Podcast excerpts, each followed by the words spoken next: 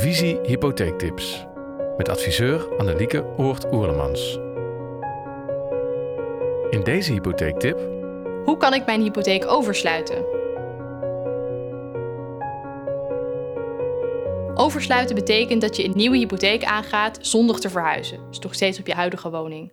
Dat kan interessant zijn als je nu een relatief hoge rente betaalt en je rentevaste periode binnenkort afloopt.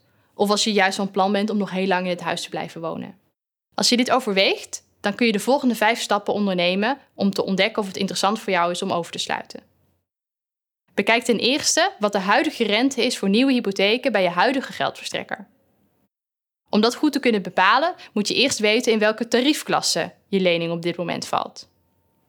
Dat bereken je door naar de waarde van je woning te kijken, bijvoorbeeld 3 ton, en naar de openstaande schuld, bijvoorbeeld 270.000 euro. De tariefklasse van je woning is dan 90%. Je kijkt dus naar de rentes van de geldverstrekker bij 90% tariefklasse. Vervolgens kijk je in de rentelijst of er misschien aanbieders zijn die een betere rente hebben dan dat. Misschien heeft jouw geldverstrekker nog steeds een heel goede rente, maar misschien zijn er andere aanbieders met veel scherpere voorwaarden of rentes. Als dat zo is, stap 3, probeer je een inschatting te maken of je nog steeds genoeg inkomen hebt om een nieuwe hypotheek te krijgen. Als je recent minder bent gaan werken, minder bent gaan verdienen, of net bent gestart als ondernemer, dan kan het lastig zijn om een nieuwe financiering te krijgen.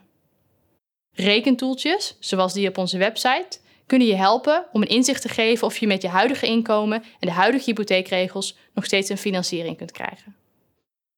De vierde stap is om een boeteberekening of een proforma aflosnota op te vragen bij je bank. Die geeft een idee wat de boete zou zijn als je nu oversluit. Als je tijdens je rentevaste periode je hypotheek oversluit, moet je namelijk een boete betalen die hoger is naarmate je rentevaste periode nog langer loopt. Het is belangrijk om te weten hoe hoog die boete is om te berekenen of het financieel aantrekkelijk is om over te sluiten. Het vijfde en laatste punt is timing. Is dit wel een goed moment om over te sluiten? Hoe korter de rentevaste periode is die nog loopt, hoe lager de boete en hoe interessanter het kan zijn om over te sluiten.